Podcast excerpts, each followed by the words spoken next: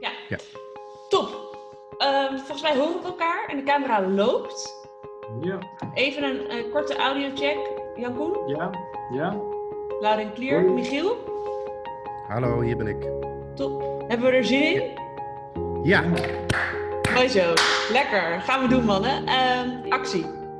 hallo luisteraars. Fijn dat je luistert naar deze aflevering van D66 na nu.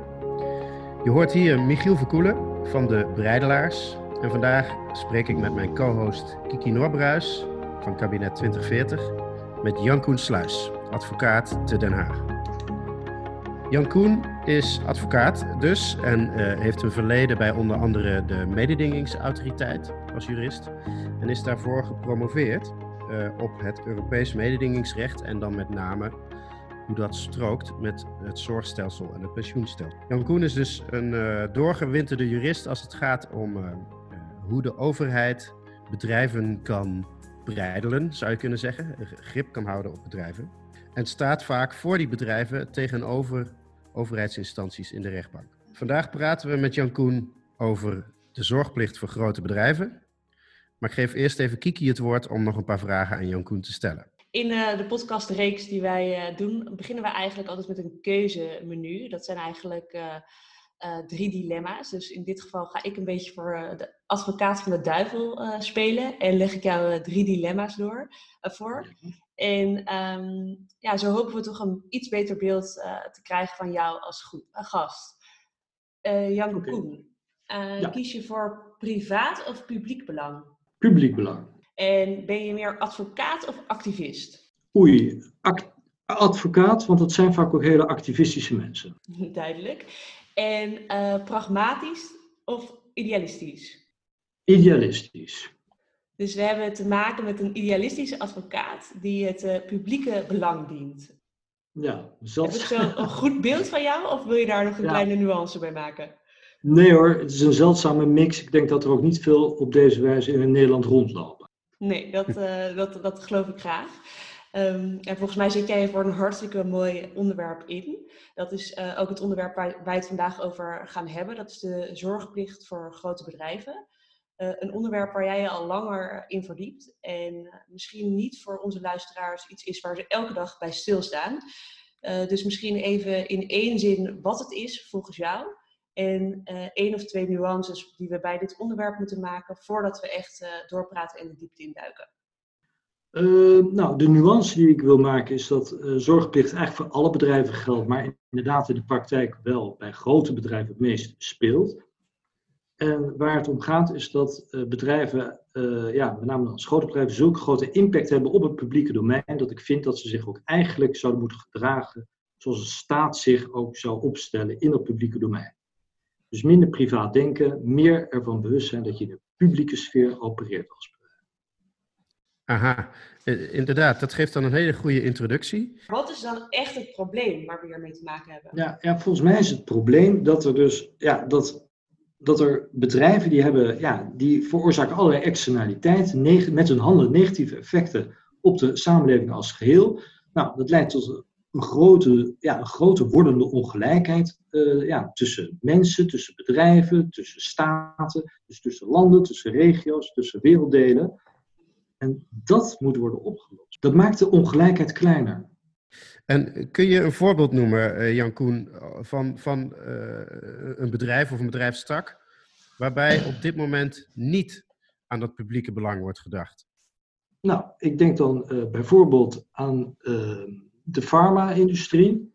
En zonder ze dus allemaal over, over één kant te scheren, alle farmabedrijven. Maar farmabedrijven die zijn, nou pak beet, eh, sinds de jaren negentig toch echt heel erg uit om aandeelhouders eh, ja, te pleasen. En hebben onvoldoende oog voor het feit dat de prijzen die zij voor sommige geneesmiddelen vragen, ja, uiteindelijk de toegang tot andere zorg belemmert. Mhm. Daarmee dus En- een publieke belangschade van toegang tot gezondheidszorg. En eh, dat is een helder voorbeeld. Waarom zou dat publieke belang door deze bedrijven gediend moeten worden? Het zijn toch private organisaties?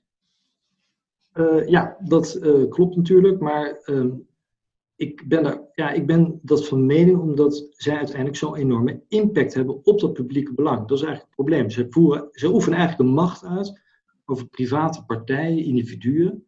Zoals eigenlijk ook een staat zich uh, over ja, individuen macht kan uitoefenen. En dat betekent dat je eigenlijk, eigenlijk in dezelfde positie verkeert als de staat. En daarmee moet je ook eigenlijk je ook als een soort van staat gaan gedragen.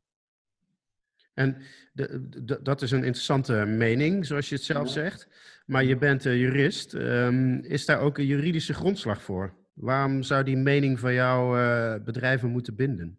Nee, uh, er is helaas uh, nog geen juridische grondslag voor. Althans, die is nog niet in de rechtspraak zo geformuleerd. Hè. Kijk, ik zeg dus dat die bedrijven, als je dus zo'n grote impact hebt op dat publieke belang, nou, dan moet je ook net als, het, als de staat voor de, dat publiek belang dienen. Dat betekent dat je dus ook bijvoorbeeld, je moet ja, mensenrechten moet beschermen en naleven. Hè, want toegang tot gezondheidszorg, toegang tot een milieu, hè, tot, tot milieu, hè, schoon milieu, noem maar op. Uh, dat zijn eigenlijk allemaal uh, mensenrechtelijke ja, rechten en belangen die beschermd moeten worden. Uh, dat, uh, maar goed, mensenrechten werken dus niet tussen private partijen onderling. Hè. Mensenrechten richten zich tot, in de verhouding tot burger tot staat. -hmm. Maar als je, naar de, ja, als je eigenlijk kijkt van wat dus een bedrijf is en ooit was, uh, zou je misschien toch wel een argumentatie kunnen opzetten. Uh, ja, die, ja, waartoe je eigenlijk toe komt dat bedrijven inderdaad als, uh, ja, zich toch die mensenrechten zouden moeten naleven. En is dat een argumentatie die, die je ook in de rechtbank kan opzetten? Want je zegt er is nu ja, nog geen juridische grondslag voor. Maar zou die er kunnen komen? Ik denk het wel. Ik denk het wel. Kijk, het, kijk alles is natuurlijk. Eh, kijk, je moet natuurlijk een beetje pionieren in terecht als je, als je, als je idealistisch bent. Mm -hmm. Maar ik denk dat het misschien aardig is om misschien. Je zou eigenlijk, het begint eigenlijk bij de VOC. Van wat is nou een bedrijf? Uh, het oudste bedrijf ter wereld, althans uh, de naamloze vennootschap, is de VOC. Mm -hmm. Dit is een Nederlandse, Nederlandse uitvinding. Dat is eigenlijk een heel gek vehikel. Dat, is een, uh, dat, dat, was een, dat, dat ding bestond niet. Dat bestaat op papier, hè, moet je je voorstellen. Dat was een, dat een vehikel geworden waardoor um, ja, vrij makkelijk um, geld kon worden verzameld om dure schepen te maken, een groot scheep te maken en dan naar Indië te varen om daar nou ja, hè, specerijen op te halen. Nou, om dat geld te verzamelen uh, en om, dat, om die investering te kunnen doen, uh, kreeg, werden allerlei privileges verleend. Dus die nameloze vennootschap is een is een entiteit waarin dus eigenlijk bedrijfsvoering en eigendom zijn, uh, zijn gescheiden van elkaar. Waar, um, uh, waar beperkte aansprakelijkheden gelden. Waar ja, de aandeelhouder eigenlijk alleen maar zijn aandeel kwijt is. Uh, maar dus niet, ja, het hele bedrijf niet helemaal instort. En die privileges, die kreeg de, kregen die VOC niet zomaar. Die kregen ze van de staat, hè, van, de, van de koning.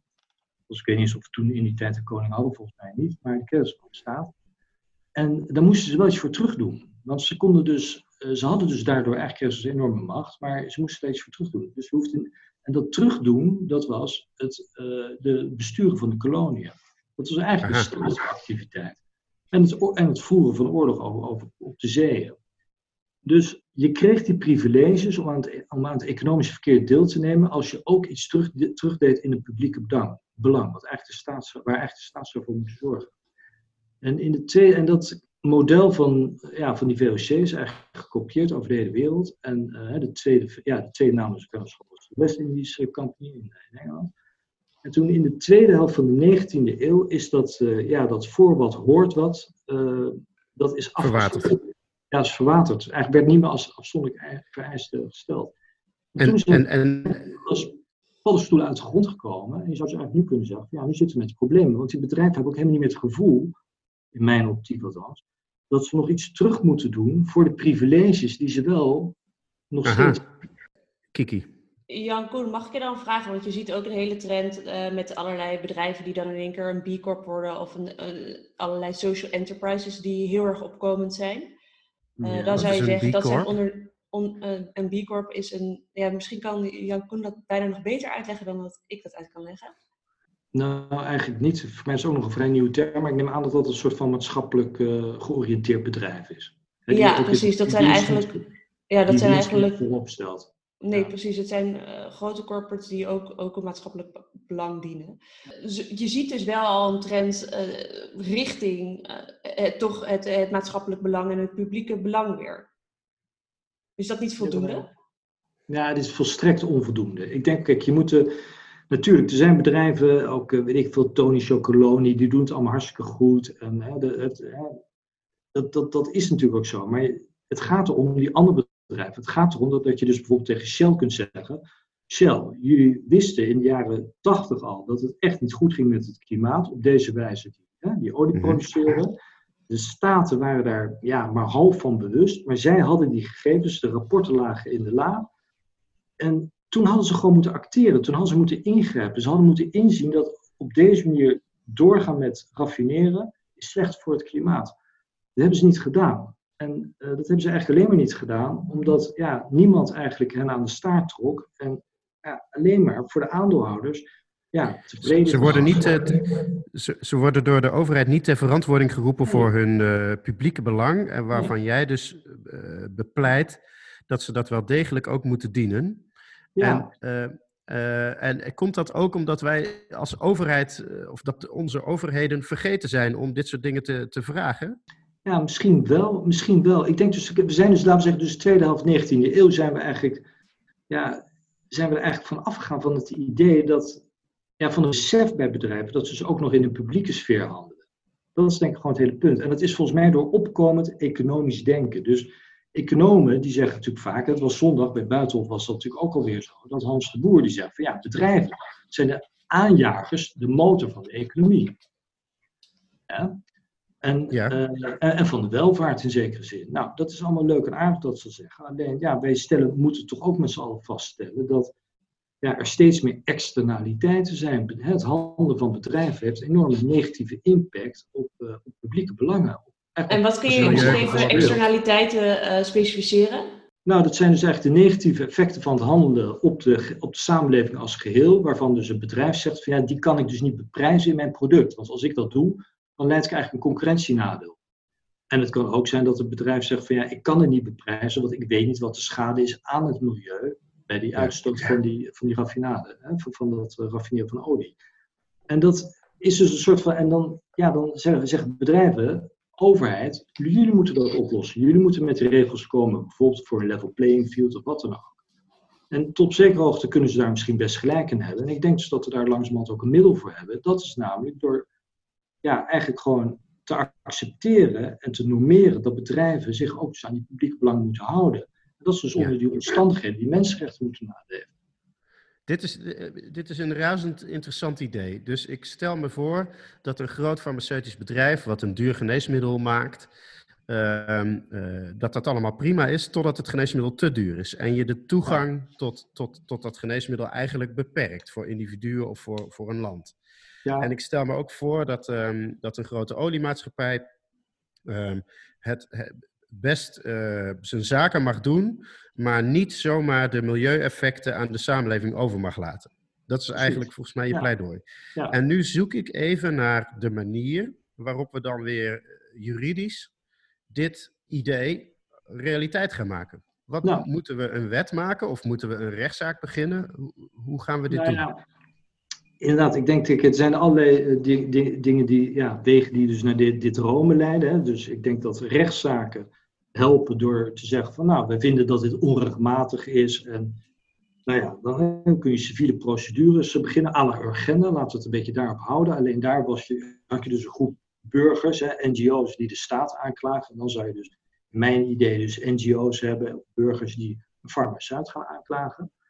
Mm -hmm. dat, dat is een route, maar uh, we zijn denk ik nog helemaal. En dan, en dan zeg je dat ze een zorgplicht hebben, en die baseer dan dus dat ze dus mensenrechten schenden. Ik zeg het even heel globaal. Nou, daar is natuurlijk nog heel wat over te zeggen of dat allemaal kan, hè, vanwege die doorwerking, of dat lukt.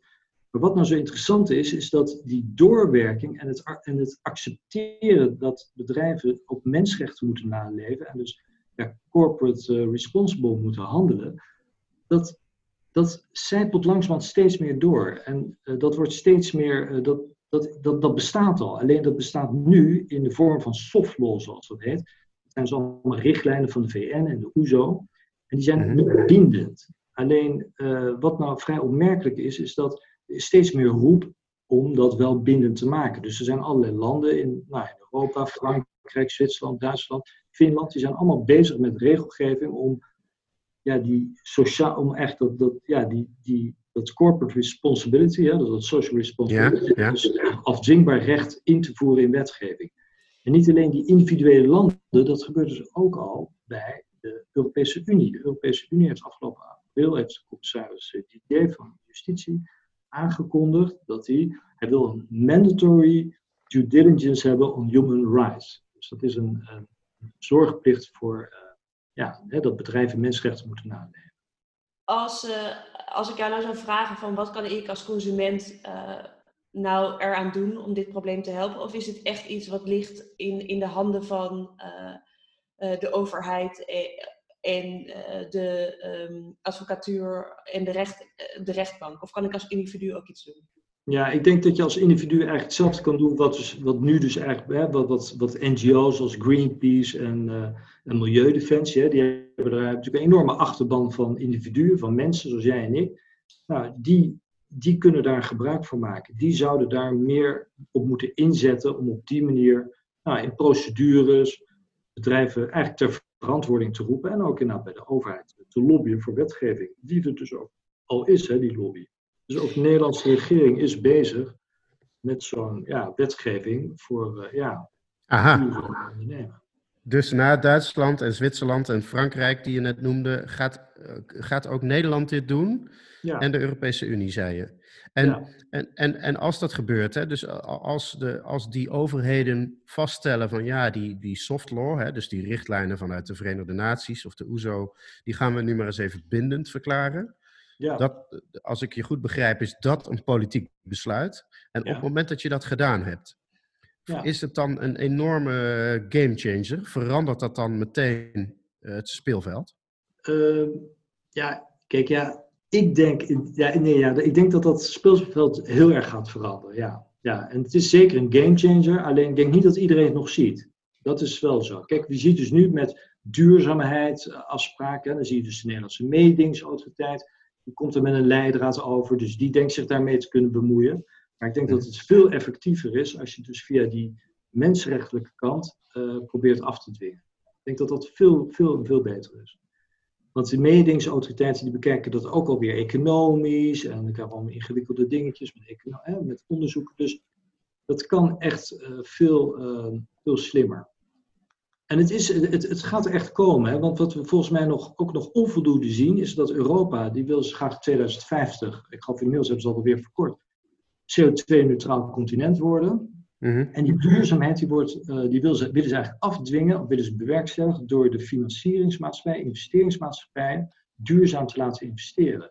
En dat duurzaam investeren, dat kan alleen maar als je weet wat duurzaam is. En Europa die bepaalt nu de regels wat duurzaam is. En behalve dat er een hele grote taxonomie is, waar een heel fijn maas wordt aangegeven wat een meloenboer mag doen en, en, en een transportbedrijf, wordt ook gezegd dat duurzame activiteiten verrichte ondernemingen alleen maar duurzaam zijn als je ondernemingen, let op, als minimumgarantie de OESO-richtlijnen en die richtlijnen van de VN naleven. En daarmee wordt dus dat soft law wordt, krijgt een plaats in een verordening en een verordening uit Europa is gewoon rechtstreeks direct werkend recht in de nationale rechtsorde.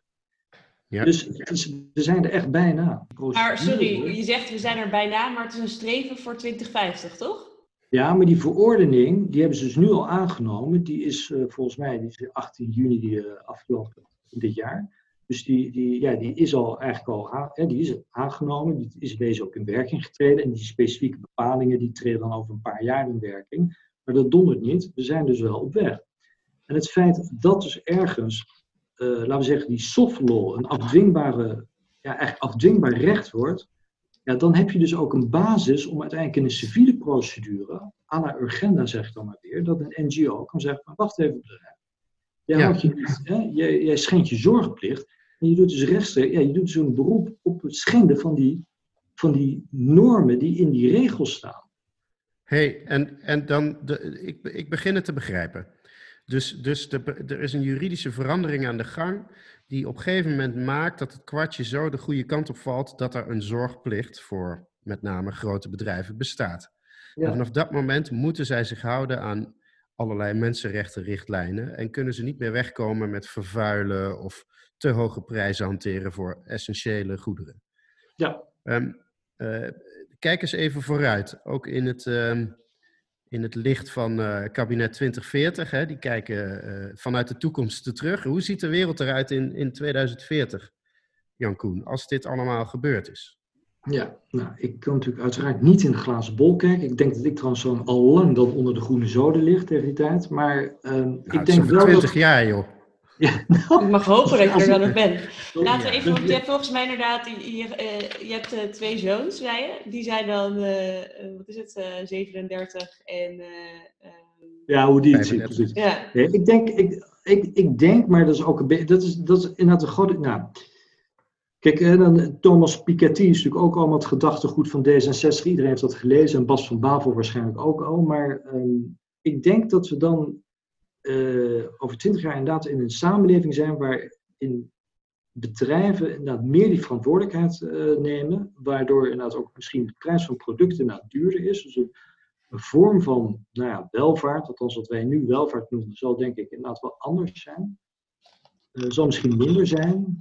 Ehm, maar ik denk wel dat. Minder welvaart? Dus in nou ja, 20... Het ligt een beetje aan wat je vindt als welvaart. Vind jij welvaart dat je uh, voor, voor, voor 2 euro een t-shirtje kunt kopen? En, nee. Dat je, dat je elke maand een nieuwe modelijn uh, kunt, uh, een nieuwe garderobe. Nou, ja, nee, ja, dat is makkelijk praten als je genoeg geld hebt om t-shirts te kopen. Dus wij kunnen misschien best een t-shirt voor het dubbele kopen en ook nog wel meer betalen voor een stuk vlees. Nou, laat, ik het anders, laat ik het anders zeggen, Michiel. Is denk, ik denk dat als, als je dat als welvaart ziet, dan, uh, dan, dan, dan gaat het niet lukken. Dus ik denk dat we inderdaad, uh, ik zeg niet dat we allemaal heel sober hoeven, moeten gaan leven en dat we allemaal maar, maar het is, ik, ik, ja, ik denk inderdaad dat we wel af moeten van het idee dat we elke maand uh, een nieuwe spijkerbroek kunnen kopen. Niet ja. omdat we het niet kunnen betalen, maar omdat we gewoon ook realiseren dat het gewoon geen zin heeft om dat op die manier te doen. Dus er komen denk ik andere vormen van kleding, die, daar is men dus ook al mee bezig. Hè. Ja, Jan Koen, even leuk om daarop in te haken. Uh, zoals je weet uh, is kabinet 2040 uh, ontstaan vanuit de gedachte van we zetten die stip op de horizon. En wij hebben die, die stip dan inderdaad in 2040 gezet. En hebben we daar 66 nou, toekomstbeelden bij geschetst. En hmm. ik wilde dus even drie van die toekomstbeelden bij jou toetsen. Want volgens mij zitten wij best wel op één lijn. En ik ben gewoon even nieuwsgierig of jij je daar inderdaad in kan vinden.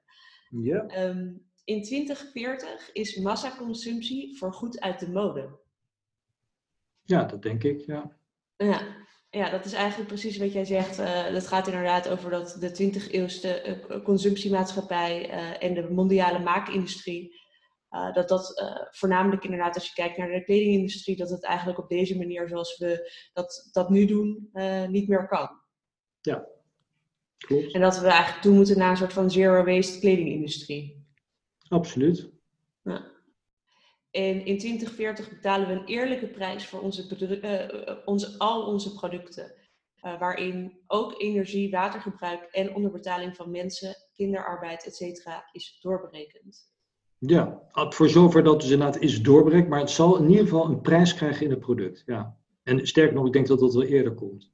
Ja, en is dat dan zeg maar mede dankzij um, uh, de, de civiele um, procedures? Zeker, uiteraard. Zonder kunnen we niet. Nou, ik denk, nou, weet je wat nou volgens mij is, is dat er komen dus, kijk, die NGO's die zijn toch wel belangrijk namelijk. Die kunnen uiteindelijk uh, die bedrijven in die zin eigenlijk de verantwoording roepen. Op het moment dat dat dus, dat kan dus ook enorme reputatieschade opleveren van, uh, ja, van, de, van de grote bedrijven. Op het moment dat dat dus reputatieschade oplevert, en je ziet het eigenlijk al bij Booking.com, hè, met, met die steun, hè, dat, dat, dat die verontwaardiging groot is. De verontwaardiging over Shell wordt denk ik ook steeds, is steeds groter. Het zou best kunnen dat dus die, dat die, dat die uh, hoe noem je dat, dat die, dat die, dat die, dat die reputatieschade leidt dus tot uh, vermindering van, dat, ja, van de waarde van het aandeel. En dat wil die aandeelhouder ook niet. Dus en hebben we in 2040 nog te maken met activistische aandeelhouders? Of is er eigenlijk gewoon uh, niet meer zoiets als uh, aandeelhouders? Omdat uh, nou, het is er misschien wel helemaal niet meer zoiets als een beursgenoteerde, beursgenoteerd bedrijf. Nee, ik ben dus niet tegen het maken van winst. Hè. Ver, ver, vergeet dat dus niet. Dus ik ben ook echt wel voor, voor, die, voor die privileges, om die te blijven verlenen aan bedrijven. Dus denk ik ook nuttig om ook inderdaad ook wel, ja, om, om, dingen op gang te houden. En waarom is dat dan nodig? Omdat het uiteindelijk ook wel leidt tot investeringen, een makkelijke manier van investeren en ook weer allerlei dingen uitvinden. Hè. Dus in die zin is het heel positief. Alleen ik denk dat we wel, ik denk dat, laten we zeggen, de, de, de, de snelle aandeelhouders, die dus gewoon hè, de hedge funds en, en, en dat soort agressieve aandeelhouders, dat die er niet meer zijn of minder zijn. Dus er komt ook dus toch wel meer een, een, een, wat, wat gematigde aandeelhouder die, ja, die genoegen neemt, misschien met minder rendement, maar wel. Ja, wel. Dus, dus eigenlijk gaan we terug naar een soort van familiebedrijven die allemaal op de lange termijn inzetten en uh, um, is het echt de focus op lange termijn uh, winst. Als, als, als, als, die, als die families wel deugen, wel ja. ja, nou ja, ik, um, ik, vind het interessant, dit deel van het gesprek. Ik um, heb er zo mijn gedachten over. Ik, ik zou zeggen dat, het, dat je volgens mij een wereld schetst waarin bedrijven wel ontstaan. En ook gewoon bedrijven met aandeelhouders en winstgedreven bedrijven. Alleen dat als ze zo groot en impactvol worden, dat het, dat het uh, ja, dat het de maatschappij direct raakt en je dus spreekt over uh, mensenrechten die in het gedrang kunnen komen, dat er dan een soort uh, grens aan wordt gesteld, die we nu niet stellen. Mm -hmm. Zeg ik dat goed zo, Jan Koen? Ja, ik denk het, ik denk het wel. Ja, ja. ja. ja. Nou ja, ik, en ik kan me ook voorstellen dat je Um, dat er dus wel degelijk ook uh, consumptie mogelijk is, maar dus op een veel duurzamere manier. Maar niet dat. Uh, hè, dus je, je, gaat niet individuen of consumenten dwingen uh, soberder te zijn, maar je creëert gewoon een situatie waar dat in prijzen is verdisconteerd. Ja, en sterker dus... nog, als ik je mag onderbreken, want ik vind het een goed punt. Er zijn echt twee dingen die ik erover zeg. Want je moet het denk ik ook veel meer ook vanuit het aanbod zien. Kijk, uiteindelijk, wij krijgen al die ellende krijgen gewoon door zijn strot geduwd door die bedrijven. Ik bedoel, niemand zit te wachten op, op tienduizenden frisdrankjes. Ik bedoel, Coca-Cola was al genoeg geweest. Hè? Niemand zit te wachten op al die ingewikkelde eh, financiële producten. Dat heeft de financiële sector door ons heen geduwd. Met alle ellende die we in 2008 over ons heen hebben gekregen. Dus mhm. het, ik vind, dus, dus, en dan natuurlijk zeggen we van ja, we moeten consumenten ervan bewust maken, want dan gaan ze anders kiezen. Ik denk dat je, dat, dat je daar niet te veel hoop op moet hebben. Ik denk dat dat best wel lastig is. Maar we moeten dat aanbod, aan dat aanbod moet iets gaan gebeuren. En dat kan dus inderdaad door ze inderdaad verantwoordelijk te maken voor je, nou ja, laten we het dan even samenvatten, die, milieu, die mensenrechten. Ook wel één belangrijk ding over dat winst maken, want dat wil ik ook wel gezegd hebben, want anders krijgen we misschien verkeerde indruk over, nou, misschien, nou, voor mij ook. Hè. Is dat ik denk dat winst maken wel belangrijk is. Er zijn volgens mij Mona Keizer, die komt nu met, volgens mij met een soort van voorstel, een soort van maatschappelijke BV. En die heeft een idee, dat wil ze constateren, dat een BV, een besloten vennootschap, uh, de maatschappelijke BV, dat die geen winst zou mogen maken. Nou, dat is natuurlijk een heel raar idee, want dat, ja, dat, dat is dan geen bedrijf. Dus bedrijven moeten natuurlijk wel winst kunnen maken, alleen ze moeten die winst wel fatsoenlijk uitkeren. Ze moeten dus niet winst maken ten koste van zogenaamde externaliteiten. Dat is het. Ja. Dus die externaliteiten moeten ze inperken. En daar hebben ze een verantwoordelijkheid in. En dan moeten die economen dus niet elke keer zeggen van ja, nee, dat druist in tegen de economische wetten. Nee, we moeten, we moeten die mensenrechten meewegen, inderdaad, in dat, in dat, in dat economisch handelen. Ik, um... Zou je dan zeggen dat we van een onzichtbare hand misschien toch wel iets meer moeten naar een helpende hand in de vrije markt? Ja, hoe bedoel je dat dan? Want ik vind dus eigenlijk, het moet op een gegeven moment moet gewoon tussen de oren van die bedrijven zelf natuurlijk gaan zitten. Hè? Dus uh, het is, eigenlijk is het ook een soort een vorm van gedragsverandering. Dus ik denk, ja, als je zegt, ja, call for action, zou ik zeggen van, ja, leid de, de, ja, de jonge mensen op, hè, die manager willen worden, dat dit dus een belangrijk element is als je een directeur wordt van een bedrijf, dat je daar dus rekening mee houdt. Uh, probeer economen uit te leggen dat externaliteit niet een onvolkomenheid is, dat is een inefficiëntie die mm in de samenleving moet worden, door de samenleving moet worden opgelost, maar waar ze zelf een taak hebben opgelost. Ja, ja. Dus als ik jou goed hoor, is jouw oproep eigenlijk aan iedereen, uh, uh, dien het maatschappelijk belang of zet het publieke belang ook voorop. Ja, stel voorop. En, en, en, en denk even terug aan de VOC, toen het eigenlijk ook al heel gewoon was. Hoewel we overigens toen over die publieke belangen nu anders zouden denken. Dat ja, ja, dat zeker. Ja. Je hebt een heel helder pleidooi uh, gemaakt, Jan Koen, voor, uh, voor een wereld, een rechtvaardiger wereld, waarin we het instrument zorgplicht voor bedrijven, het publiek, bedrijven die het publieke belang moeten dienen, als juridisch instrument komen om bij die betere wereld te komen. Mm uh, dankjewel voor je pleidooi. Ehm, het, het, is inspirerend en dat is ook het idee van deze podcast. We willen, ja, we willen naar 2040 en we willen daar komen op een zo goed mogelijke manier. En wat dat betreft is, de, uh, is dit idee een heel inspirerend idee om daar te komen. En de tijd is wat dat betreft gevlogen. Ja, um, dus eigenlijk wel jammer. ja, wat ik zou nog één ding eigenlijk willen zeggen, namelijk, wat we misschien aan het begin nog eigenlijk niet eens aan de orde is geweest, is dat dus ook te maken, als je, dit dus, als je hiernaar streeft en dit gaat bereiken, dan wordt dus ook die ongelijkheid kleiner.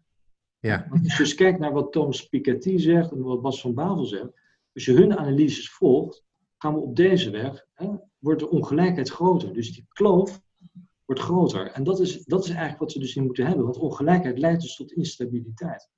Ja. Dus de ongelijkheid moet kleiner. Het mag ongelijkheid zijn, maar moet, de kloof moet wel kleiner worden. Dus in 2040 hebben we geen ongelijkheid meer doordat zorgplicht uh, voor grote bedrijven volledig is doorgevoerd. Zeker, ik beloof het. Dat klinkt goed. Goeie, goeie laatste woorden. Uh, Jan Koen, dankjewel. Kiki, dankjewel. En uh, dank aan de luisteraars voor het luisteren naar deze aflevering van uh, D66. Na nu.